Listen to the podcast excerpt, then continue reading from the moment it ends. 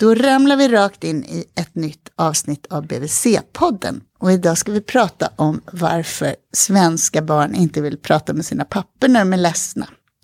Jag heter Malin Bergström, eh, jag är barnhälsovårdspsykolog och idag har jag med mig. Eh, Nisse Edvall heter jag. Och jag heter Manne Forsberg. Och ni har en podd som heter Pappapodden, eller hur? Ja. Och vad, vad handlar Pappapodden om? Den handlar väl om... Eh, den handlar väl om livet och tillvaron utifrån två eh, föräldrars perspektiv, eller två pappors perspektiv. Den handlar om föräldraskapets eh, glädjeämnen och skuggsidor. Mm, eller mirakel och eh, skuggsidor. Typ. Blir det skillnad med en pappapodd jämfört med en uppsjö mammapoddar som finns? Alltså, nej, egentligen är det väl ganska universella grejer. Men sen, jag tycker mottagandet är annorlunda. För jag, det brukar vi ju alltid få frågan om vad vi får för mottagande och alla är väldigt positiva hela tiden när man, gör, när man som pappa håller på med någonting som är pappigt i offentligheten så får man ju alltid väldigt mycket glada eh, hurrarop och klappar på axeln på ett sätt som jag tror att eh, mammor i offentligheten inte får i samma utsträckning. Det, det är mer liksom eh, kongenialt med kvinnorollen att också ha någon slags mamma roll. Men om man som man också är pappa och går ut med det och pratar om det så får man väldigt mycket ryggdunk. Men jag tror också att vi får lite friare roll, för vi pratar ju om massa saker som inte är föräldraskap också, fast den heter Pappapodden. Och det tycker folk ändå är okej. Men eftersom det fanns Mammapodden, och sen så skulle prata, de prata om liksom jättekonstiga saker som vi gör, om Olof Lagerkrans och om eh, att runka. Mm. Och så, här, så skulle folk bara, vad är det här för någonting? Mm. För att, så här, att vara mamma är ju liksom så här, redan det att vara mamma, så ska man vara på en hög nivå. Om man dessutom ska ha en jäkla podd om att vara mamma så skulle vara på en exceptionell nivå. Men jag tror inte man ställer samma höga krav på vår nivå helt enkelt. Ma mannen gick ju igenom eh, en tråd, en pappatråd på eh, den här sajten eh, Familjeliv för, ja, det är väl några år sedan nu. Men då var det ganska slående att mamma, mammaforumen, de handlade mycket om så här, sluta med blöja eller sluta med napp och allt sånt där, olika avslag och vad det nu kan vara. Men pappatråden Ja, de, de, de, de hette så här, ämnena hette så här, whisky är gött. Och eh, hur mycket tv-spel kan man spela när man är nybliven förälder? Och sen så här hundra trådar som handlar om vilken bil man skulle ha. Och så här, måste man verkligen ha en kombi och så där? Usch, det här låter verkligen som det liksom cementerar gammaldags könsroller när du mm. säger så här. Mm. Jo, men då, och då, då, som pappa då, om man då pratar 30% papparoll och 70% runk och bil, så framstår man ändå som väldigt progressiv och härlig. Just det här med att runka som ni verkar väldigt komma till, ja. så känner jag så här, varför är det, om jag hade haft en mamma och pratade jättemycket om min sexualitet. Ja, just det. Ja. Alltså det skulle ju inte funka i Sverige 2018, Nej. eller? Nej, jag tror inte det heller. Vad är, säg ja, och ändå är det viktigt, för jag tror att anledningen till att vi har kommit att prata så mycket om det från början var ju att, att vi pratar ju mycket om småbarnsliv och eh, sex. Mm. Eh, det känns ju viktigt och kongenialt med en sån här podd som vi gör. Men då en, min viktiga... Det är en käpphäst för dig, Min käpp, käpphäst och ja. viktigaste politiska fråga är att man ska liksom tillgod, kunna tillgodoräkna sig det sex man har med sig själv. Alltså så här, som någon frågar så här, hur är sexlivet? Då ska man inte bara tänka så här, vad har jag gjort med min partner? Utan, för det kan ju bli ganska nedslående om man är småbarnsförälder. Så kan man också tänka så här, vad har jag gjort med mig själv? Och då blir det liksom mycket bättre, det blir liksom härligare, bättre statistik på något vis. Så jag tror det är så vi har kommit in på det. Men sen är det också så att vi pratar om eh, allt möjligt som faktiskt inte har med föräldraskap att göra, mm. som ju också kan vara liksom vi kan utveckla det här med kan mer om det. Nej, men vi pratar också om, vi kan prata också om Håkon Pedersen, som den gamla slagerartisten som också har sjungit in Disney-favoriter och så här. Så att det kan handla om allt möjligt. Idag ska vi prata om en undersökning som Kamratposten KP gjorde för någon månad sedan med 1708 till 14-åringar. De la upp tio frågor på sin KP-sajt. Eh, som barn i den här åldern fick svara på. Och det var 1700 barn som svarade och det var färdiga svarsalternativ. Den frågan som har fått störst genomslag, den handlade om vem barnet helst pratar med när den är ledsen. Just det. Och då var det så att 46 procent av de här barnen sa att jag vill helst prata med min mamma. En eller två procent sa skolsköterskan. 17 procent sa ingen. 22 procent sa med en kompis. Och 7 procent sa med min pappa. Det. När undersökningen gjordes tio år tidigare så fick papporna, var det 6 procent av barnen som helst ville prata med sin pappa. Och det kändes deppigt och blev värsta diskussionen då. Sen tänkte man så här, tio år senare, nu har vi kommit någonstans när det hänt något och så var det i princip samma siffra. Men något hade hänt. Ja, något av Det kanske var inom felmarginalen. Men då tänker jag bara att det här resultatet, har det, har det, hänger det ihop med att en pappapodd får röra sig så mycket friare bland ämnen och att man som pappa är toppen och man till 70 procent ägnar sig åt föräldraskap och 30 procent åt bilar, whisky och runkning. Ja, alltså, det kan man säga. Men ja, jag tror att eh, dock så tänker jag så att om man är den perfekta mamman, eh, som mammarollen är, så är inte det säkert att, att det är förenligt med att vara den perfekta liksom, lyssnaren och tröstaren. För mycket i så här, det som jag tycker eh, mammarollshetsen, det är ju så, det, det, alltså man pratar ju sällan om så här, sitt med ditt barn i knät i en timme och lyssna på det och läs böcker, utan det är mycket så här, gör fint inför halloween och ha ett snyggt hem och ha många utvecklande aktiviteter och gör ett snyggt barnrum med tippitält och eh, hämta klockan kvart över två på eftermiddagen och så här. Så att Men någonstans man, alltså jag kan, jag kan men om man är den som gör alla de här sakerna och alltid den som hämtar och alltid finns där, så kommer man ju vara den som barnen vänder sig till för att det är den som, som eh, ja, om, om någon är hemma 90% av tiden så kommer ju barnen vända sig till den personen, även de 10% som den andra parten är hemma, på att, av gammal ohejdad vana såklart, och man kommer vara närmare den personen. Så då tänker du att mammarollen inte heller är optimal ur den här synvinkeln, det vill säga att lyssna till barn och finnas till hands. Men att det har med tidsfördelningen att göra, att morsor är hemma mycket Nej, mer än pappor. Tror, nej, så är det ju inte heller. Jag bara försökte hitta någon, någon annan vinkel. Eh, nej, för att i den traditionella mammarollen så ingår ju att vara mjukare och eh, trösta och eh, liksom lägga om sår och blåsa på sår och så här. Eh, Men så att, det är den traditionella kvinnorollen ju. ja, Alltså, kvinnor är ju, om man generaliserar, mer empatiska och mer härliga att prata med än män. Nu, så, så är Du det, håller med de här barnen. Ja, jag förstår ju att det ser ut som det gör. Sen så är det intressant, när jag har skrivit om det här så är ju eh, alla eh, kvinnor som har hört av sig, de har ju varit så här, "Åh, det här är så tråkigt och gud vad hemskt och så här. Och sen så de få män som har hört av sig, alltså, och det är alla män som har hört av sig, de har ju ifrågasatt statistiken.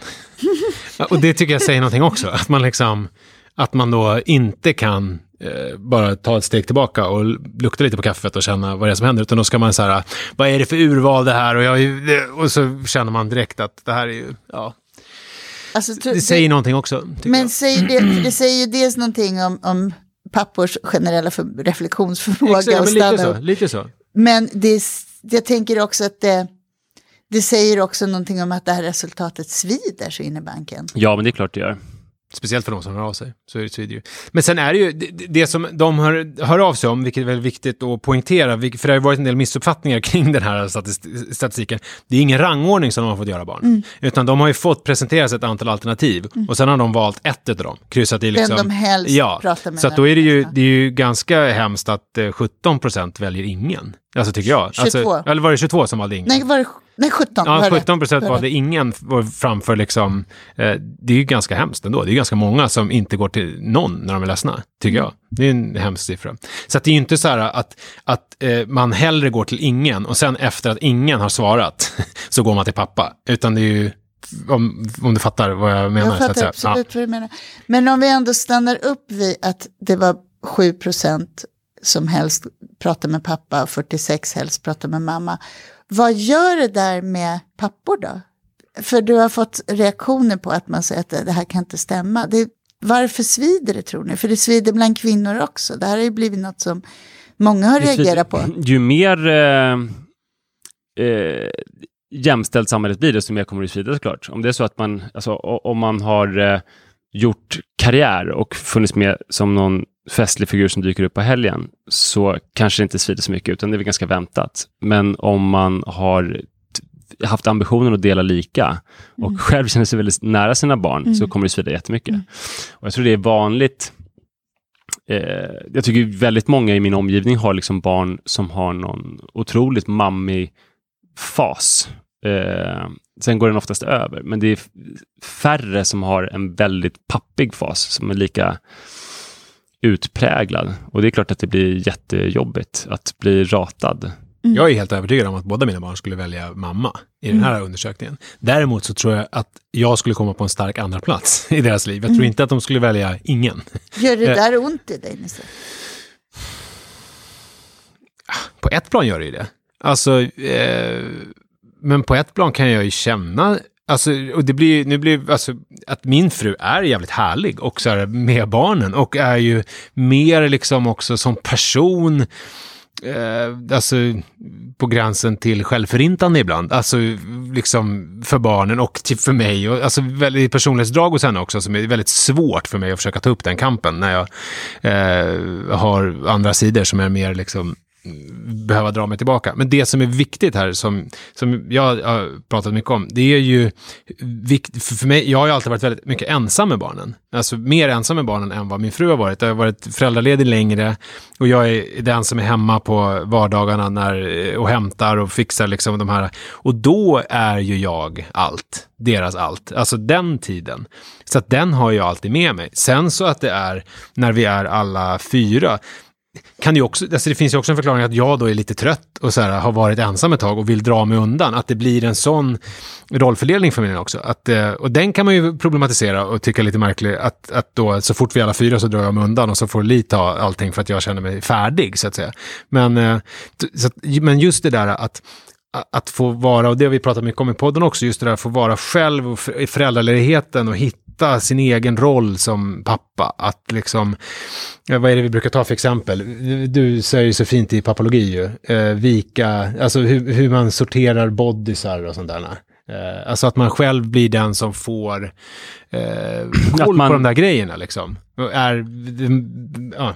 Ja, men att man får vara herre över saker och sätta sin egen ordning och ha eh, full eh, koll över någonting. För annars är det lätt att man inordnar sig i någon annans system som man kommer vara bara sämre på om man tittar barnpsykologiskt på det där så är det så att de där tidiga anknytningsrelationerna till barn och det där som ska klicka igång hos oss som föräldrar och att vi ska känna att hon behöver mig, jag kan inte vara borta en sekund liksom, utan det, det kräver ju att man är själv. Om man står ja. snett bakom axeln på någon då kommer det aldrig igång för då bekräftar man bara att ja, det finns någon annan som är viktigare. Det är de två som hänger ihop. Liksom. Och det där har vi också pratat om att det upplevde jag jättestarkt. Jag var hemma mycket. Jag hade så här, när vi fick vårt första barn så var jag hemma någon månad precis i början. Eh, liksom innan min föräldraledighet. Och det blev ju bara, alltså det blev varken hackat eller malet. Det var väldigt svårt att att dela på. För det var som att det var min fru som så här, med all rätt tog kommandot. För det var mycket så här, hennes och Iris, som hon heter, deras gemensamma rutiner som styrde och sådär. Så att jag kom ju in som bara en lite säm sämre och mer tafatt person som gick omkring där i, i bakgrunden. Och jag, hon blev mer och mer expert på saker. Till exempel så jag var så här avundsjuk på henne för att hon hade åkt till Coop Forum med Iris i bilen. tyckte jag var så här otroligt. Och sen till slut kunde jag också klara det. Men då var det snarare att bära ett eh, sovande barn från babyskyddet i bilen till vagnen utan att barnet vaknade. Det var någonting som jag inte ens vågade pröva. Det var så här, också för riskabelt. Tänk om hon vaknar nu precis när vi ska sätta oss och fika. Eller liksom så här. så att det är bättre att Sara, min fru, gör det. Eh, så att Ja, det hade kunnat vara så att jag var ledig hela liksom, ett år med henne så hade det fortfarande varit mycket sämre och gjort mycket mindre saker. Men när du blev själv med Iris då, då vågar bära över henne. Ja, eller klippa bebisnaglar. Jag kan ju liksom inte knacka på hos grannarna och be dem göra det. Jag måste ju hantera det då. Så att det var enda sättet och för mig att komma ikapp. Jag hade precis samma erfarenhet, för vi var, jag kommer ihåg första sommaren då med Manne, min äldsta, då var det också så att vi var tillsammans. Det var en ganska klassisk grej, tänker jag, att man, pappan tar ut lite på sommaren då. Eh, men, men, men och då, sen i september började hon jobba och jag kommer verkligen ihåg den här första dagen. Alltså det, det är ju man förstår inte vilken skillnad det är att vara själv mot att vara två. Och speciellt då, som när jag hoppade på så hade ju Liv varit hemma i fyra, fem månader när, när det blev sommar och liksom jag anslöt så att säga. Det var ju som natt och dag, det går inte att jämföra överhuvudtaget alltså. Det är otroligt Men i början så börjar man ju ofta med, det tror jag är jättevanligt, med ett schema ja. som mamman har skrivit. att Klockan 11, då är det lunch Mm. och klockan 13 till 15 nu vilar man bara försöker följa det slaviskt. Jag hörde häromdagen om pappa på Coop som så här, man märkte att det var hans första han ringde så här, det, gick bra med lunchen och nu sover. och så här, vi gav en rapport och liksom hade, stod i princip med sitt schema där. Eh, och det är så man börjar och sen när man börjar liksom märka att det här schemat, det stämmer ju liksom bara någon dag. Och sen så skriver barnet sitt eget schema. ja. Och, och man hittar något eget sätt. Just då, då sen när man får berätta då för sin partner, ah, det, på helgen så här, men det är kanske 11.30 snarare som det är lunch. Där. Mm. Det är en Då milstolpe det- för en som det- förälder. Mm. Mm. Om ni skulle säga vad, som, vad, vad ni skulle vilja med ert föräldraskap, för jag har här i bakhuvudet att barn ska vända sig till en när de är ledsna. Vad är, liksom, vad är, det, är det särskilt fint eller vad är det man helst vill? Vart vill ni nå som föräldrar? Knausgård har sagt det där skitbra tycker jag. Eh, alltså Karl-Ove. Han har sagt så här att han vill, när han kommer in i ett rum där hans barn är, så ska det inte hända någonting. De ska inte bli så här jätteglada och de ska heller inte bli oroliga och rädda. För att han hade ju en pappa som skapade en kuslig stämning. Så det var lite grann med min pappa också, att det, det var kuslig stämning eller så här feststämning för att han inte hade varit hemma på länge. Liksom. Det ska inte hända någonting. Jag ska ju vara som tapeten hemma, men jag ska liksom alltid finnas där. Bara. Jag ska vara totalt självklar. Vad är det för mönster på den här tapeten? Det är väl någon slags kurbits kanske. Alltså, det är ändå lite fint att titta på. Ja, rogivande. Jag tänker så här kylskåps, vad heter det, metaforen, när man, alltså man står som ett kylskåp i ett hörn och det bara öppnar dörren om man blir hungrig. Så Just det. liksom, Ja, jag, har ju, alltså, vilket är en sida som jag jobbar ganska mycket med. Min pappa var väldigt så här, mysig och fin och var alltid hemma och lyssnade. Han tog, jag, jag kan fortfarande vara imponerad av med vilket allvar han tog mina såna här tonårsproblem allt på. Alltså, gulligt. med olika kärlekshistorier och sådana. Eh, Eh, för att han gjorde ju, omedvetet tror jag, bara det här satte sig på min nivå och såg saker med mina ögon och verkligen var där. Och det kämpar jag jättemycket med, för jag kan känna att det är så lätt för mig att avfärda alltså småbarnsproblemen eller som någonting som är så här, men gud, vänta bara. Eh, och, och att jag får bita mig själv i tungan och jag liksom har inte riktigt det där i mig. Så det är en liten ångest att jag liksom inte har det där genom empatiska, sätta mig in i. Eh, men, men jag jobbar ju som fan med det och jag tänker att om jag, även om jag inte kan liksom nå upp riktigt till min pappas eh, eh, eh, nivå, så kan jag ändå så här, göra allt som står i min makt för att försöka och vara sådär och ta mitt barn på allvar och lyssna liksom. Eh, Tror du att det finns någon slags turtagning eller några roller som är liksom så synkrona eller inte synkrona mellan den man är förälder tillsammans med och en själv? ja, För du beskrev ju din fru Ja. som så sjukt empatisk. Ja.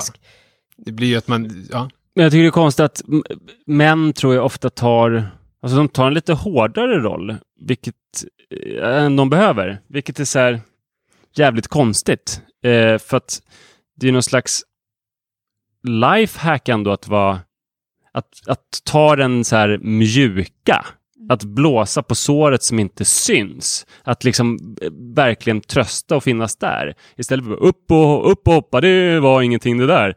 Alltså det är en så onödig roll att ta. För att man kommer ju komma närmare barnet om man... Fast det är inte, alltså jag menar om man har som jag då, som tycker att det är Eh, min mamma sa alltid när jag var liten, du bara skrattar bort allting. Alltså man, man har lite problem med känslor och närhet och sånt i grunden. Och att det blir så här, då är det ju ganska, det är ju, då får man ju jobba ganska hårt med att vara den där öppna, eh, mysiga och inte vara den här, när man är lite han- handikappad. Jag har inte ens tänkt på att det liksom. kanske är att man, man har pappor inte, är känslomässigt handikappade i större utsträckning än mammor Ja, då. men jag, jag tror det. För att Men man har mindre inte... tränade och Ja, det är det jag skolade om menar, man, det är det jag om man backar tillbaka. Ja.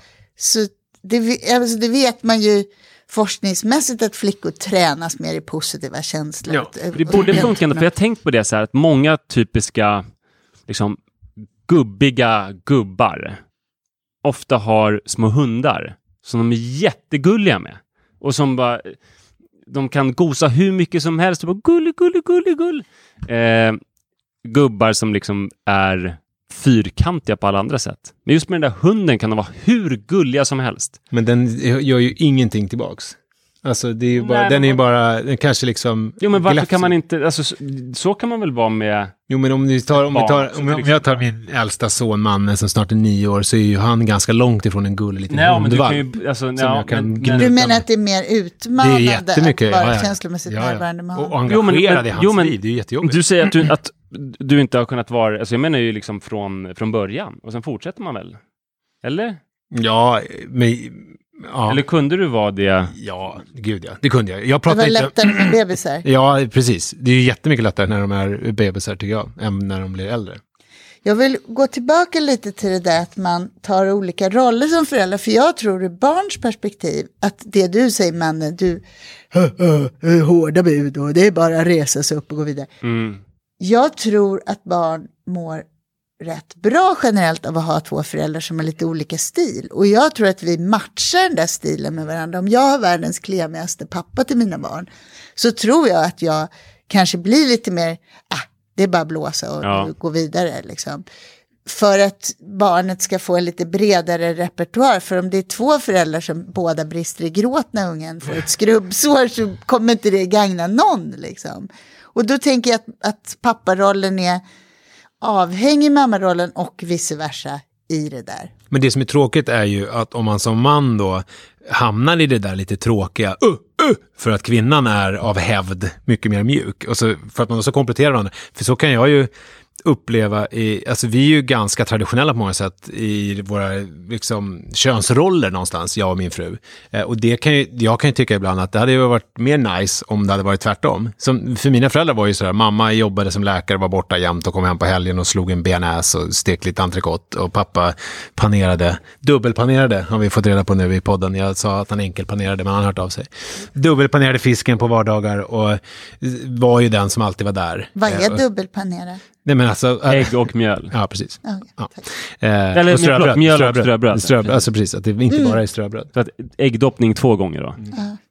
Ja, men... Eh, eh, och det känns ju som att det hade ju varit härligare någonstans om Li var, nu jobbar hon ganska mycket, men om hon var ännu mer...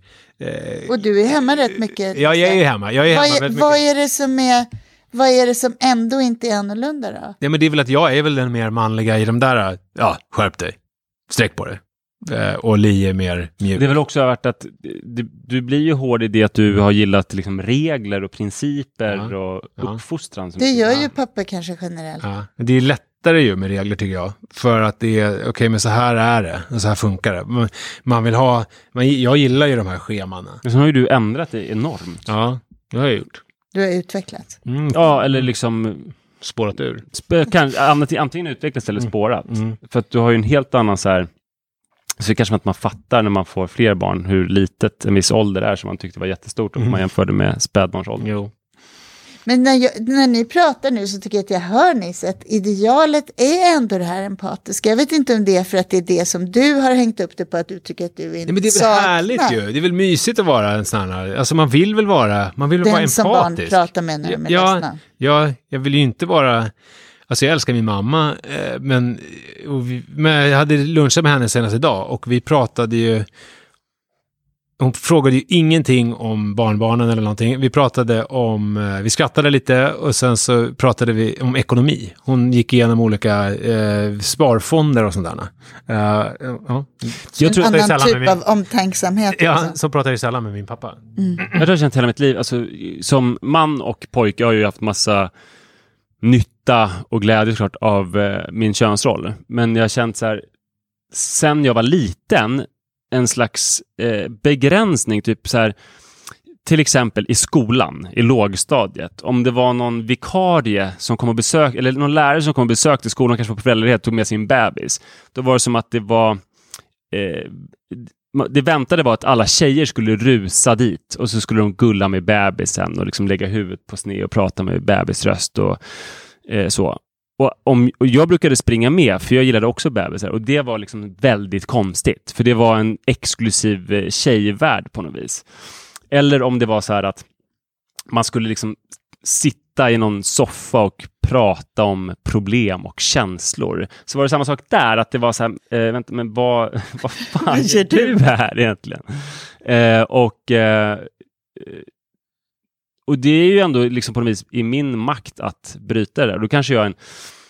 Antingen så är jag en eh, otypisk kille på något sätt eftersom jag har velat gulla med de där bebisarna och pratat om känslor. Eller så bara att jag har eh, känt det så starkt så att jag har varit mån om att bryta mot det och så här, Har du, få haft, vara på de arenor som jag har saknat. Så. har du tagit med det där genom hela livet?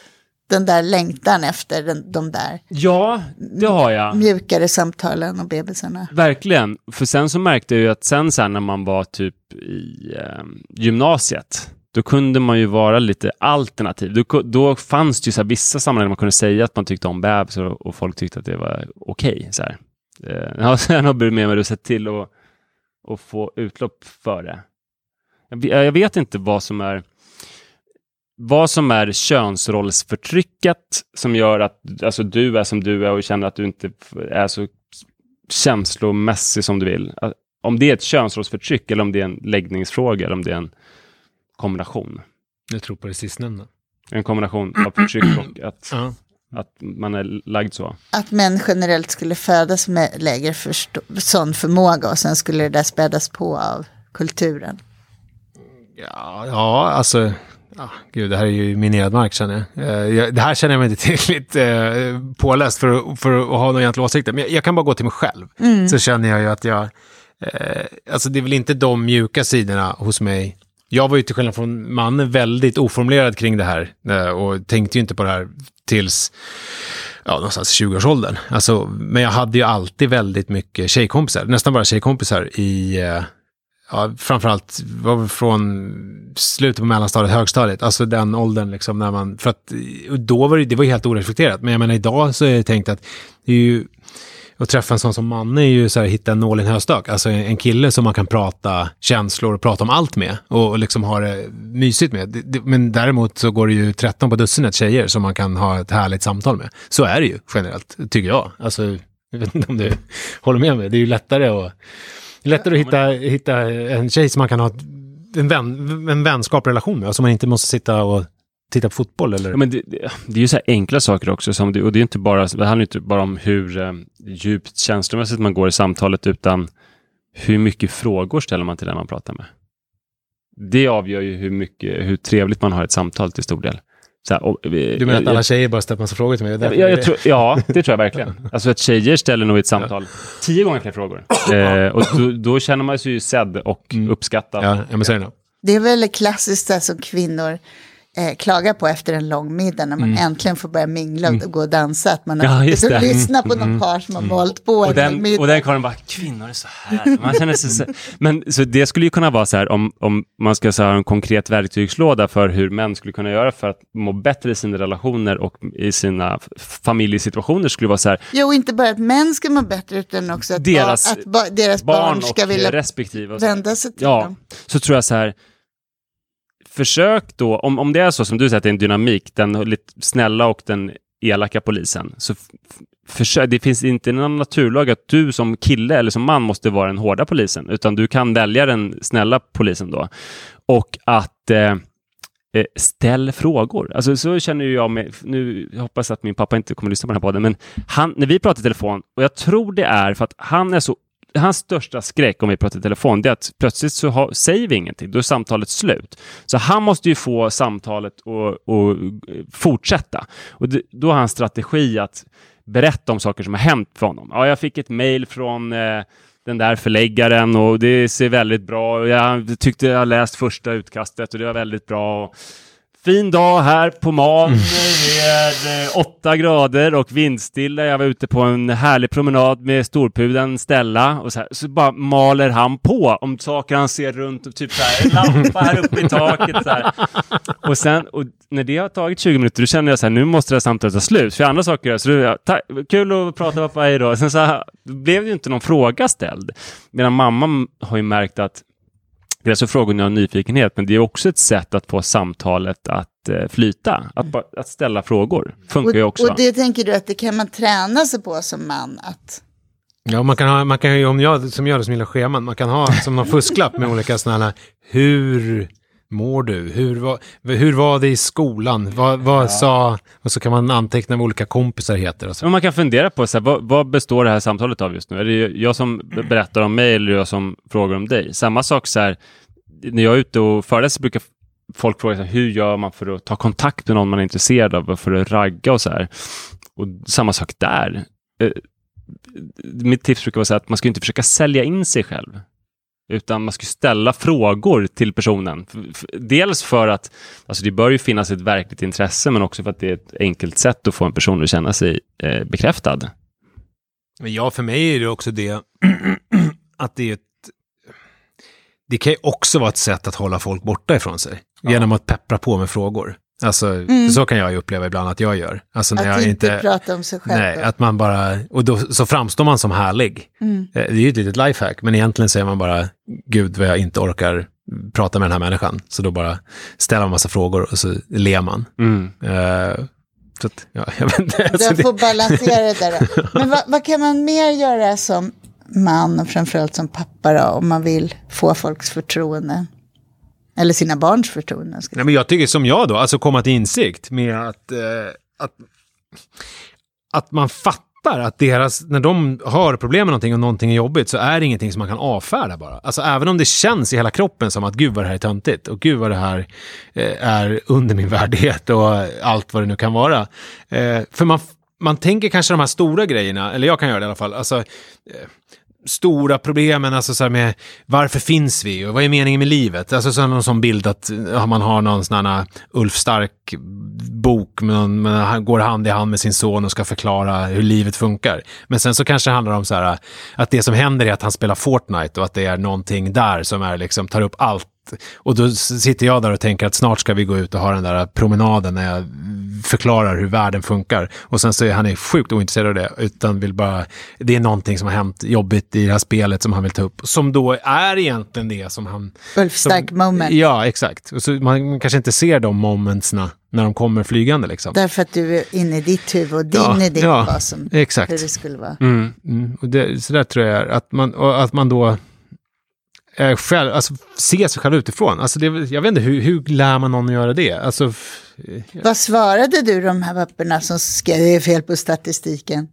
Eh, jag tror att jag ignorerade i kombination med, eh, liksom höll med och snoppade av. Alltså jag orkade inte, jag kände inte att jag orkade ha någon lång internetdiskussion om det här. Mm.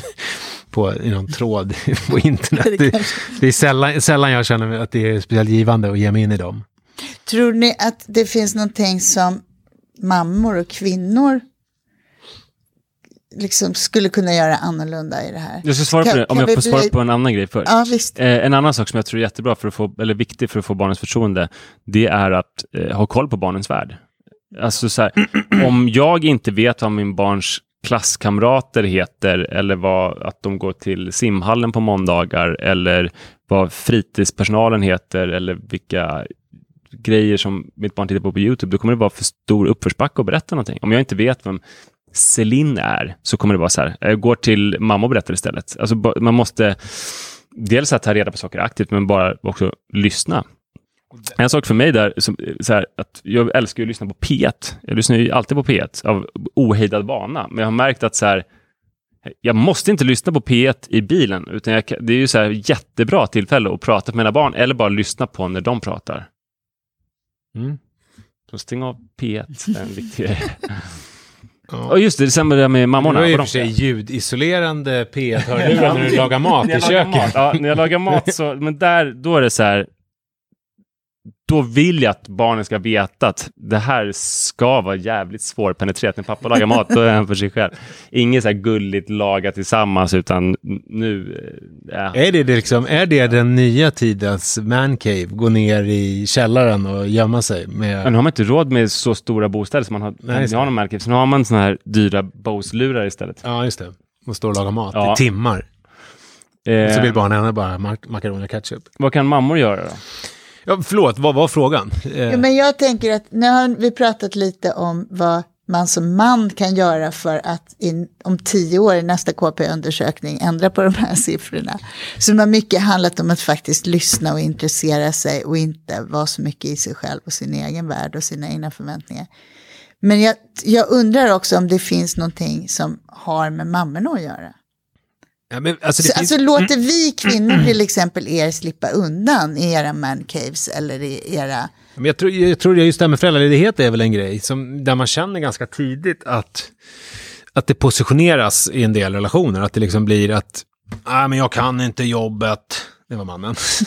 och så säger kvinnan, och så är kvinnan, nej men det är väl lika bra. Alltså att man liksom, det, alltså det, det är någonting som jag, jag har tänkt på jättemycket, hur jävla viktigt det är med den här föräldraledigheten. Att man kommer rätt på bollen från början i föräldraskapet. För om man kommer fel, dels så det som jag pratade om tidigare så blir ju att det är en person som blir förstahandsförälder, en som blir andrahandsförälder, men också så här, om det är någon person som alltid har skött en viss sak, eh, som alltid har skött tvätten, som alltid har varit den som haft koll på hur schemat ser ut och vad klasskompisarna heter, då kommer den ha väldigt svårt att släppa in den andra. För då blir det så här, vänta, om jag har skött nu tvätten eller alla utvecklingssamtal under åtta års tid, så ska du ta det in. Kommer det då bli som att kommer historieskrivningen bara ändras nu så att vi har delat lika så att vi liksom på, blir det någon slags tabula rasa? Det är jag inte intresserad av.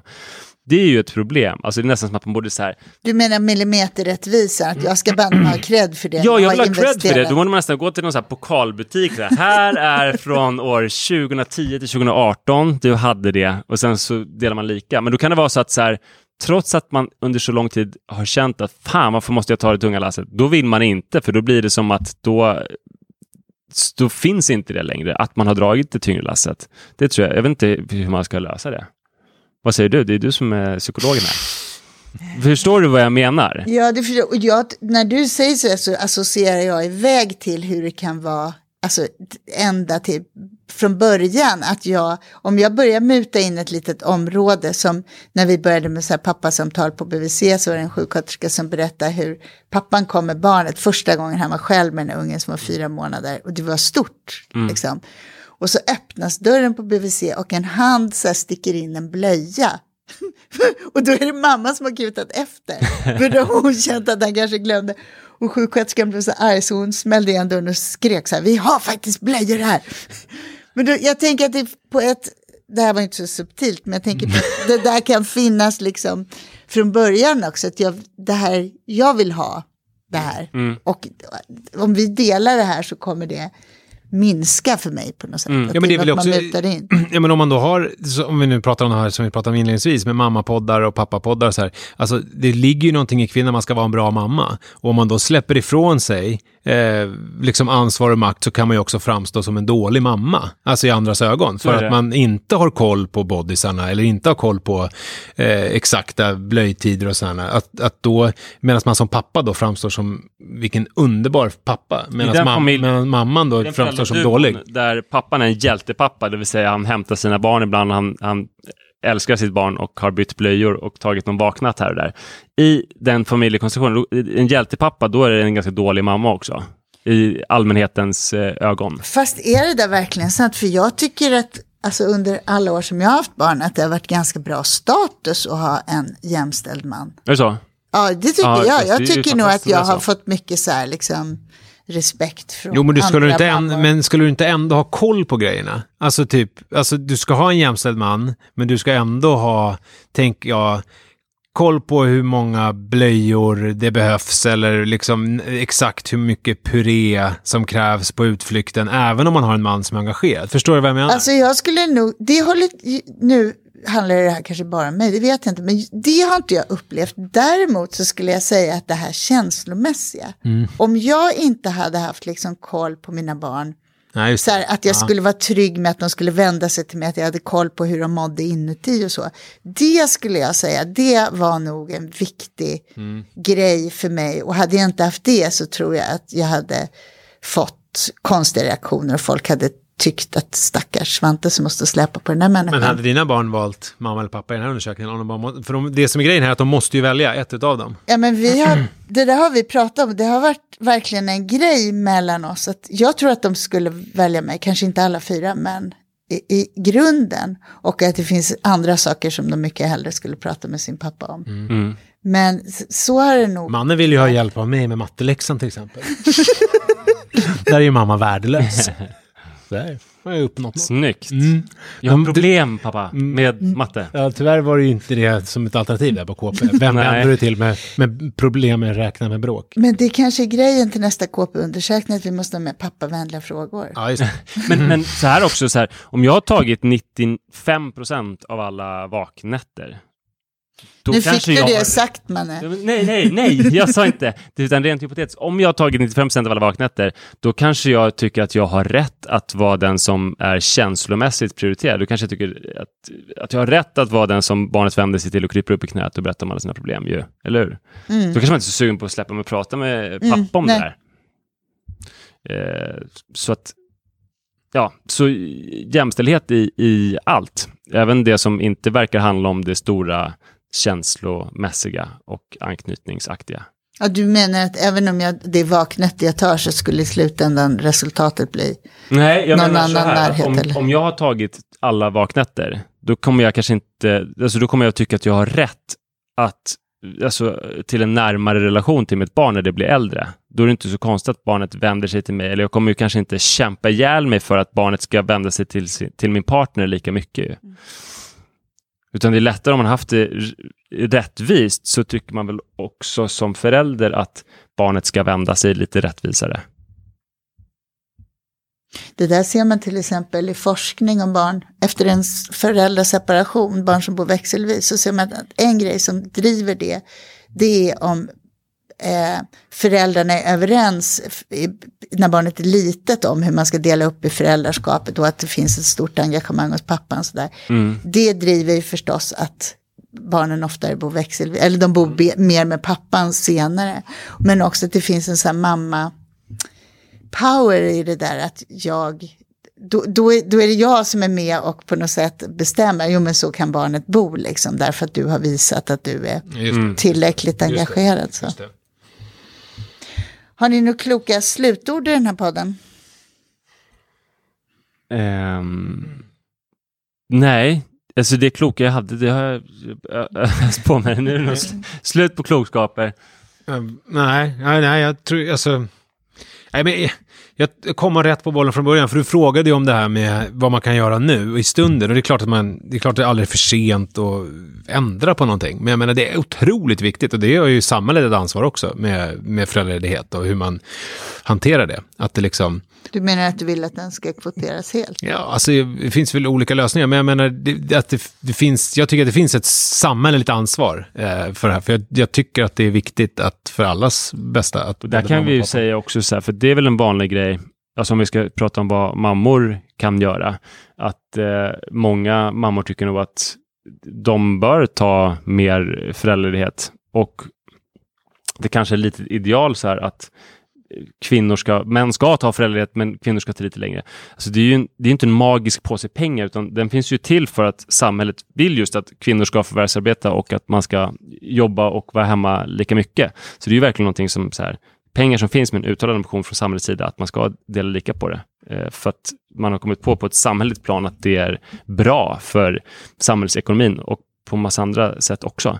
Så att även om man känner sig jag vill vara med den här bebisen varenda dag, så finns det en poäng med att släppa iväg. Eh, så det är liksom både en, en eh, skyldighet att vara föräldraledig även om man är helt osugen på det och en rättighet att åtminstone ta hälften fast man är sugen på att ta allt. Eller något. Mm, ja. Ja, Ja, men det- jag tror jag. Så föräldraledighet, att vara, träna på sin empati, att intressera sig för sina barn, att lära sig vad kompisarna heter. Och inte tro att man måste välja bad cop-rollen bara för att man är man. Och att det idag med, som när du säger Celine, du Mm. vet, jag har ingen aning om vem det är. Alltså det är så otroligt vattentäta skott mellan de olika subkulturerna idag och med YouTube och med allting. Jag menar förr när vi var barn, då satt man och tittade på de här barnprogrammen på tv och, och det var liksom vuxna med och det var liksom, man, man hade samma världsbild. Idag kan jag uppleva att det liksom är, att jag och min son växer upp egentligen i- i helt olika världar. Han är ju liksom någon helt annanstans och att det är otroligt viktigt för mig att eh, ta mig in i den här världen och vara där. Även om jag tycker den verkar helt obegriplig så är det ju min, alltså jag måste ju göra den begriplig. För det är klart att den är begriplig på sitt sätt i sin värld. Och det är ju inte det lättaste alla gånger. Det får bli de sista orden. Det är inte det lättaste alla gånger. Tack Nisse, tack Manne för att ni var med idag. Det var jättekul att vara med, tack Malin. Verkligen. Tack, rullar vi ut.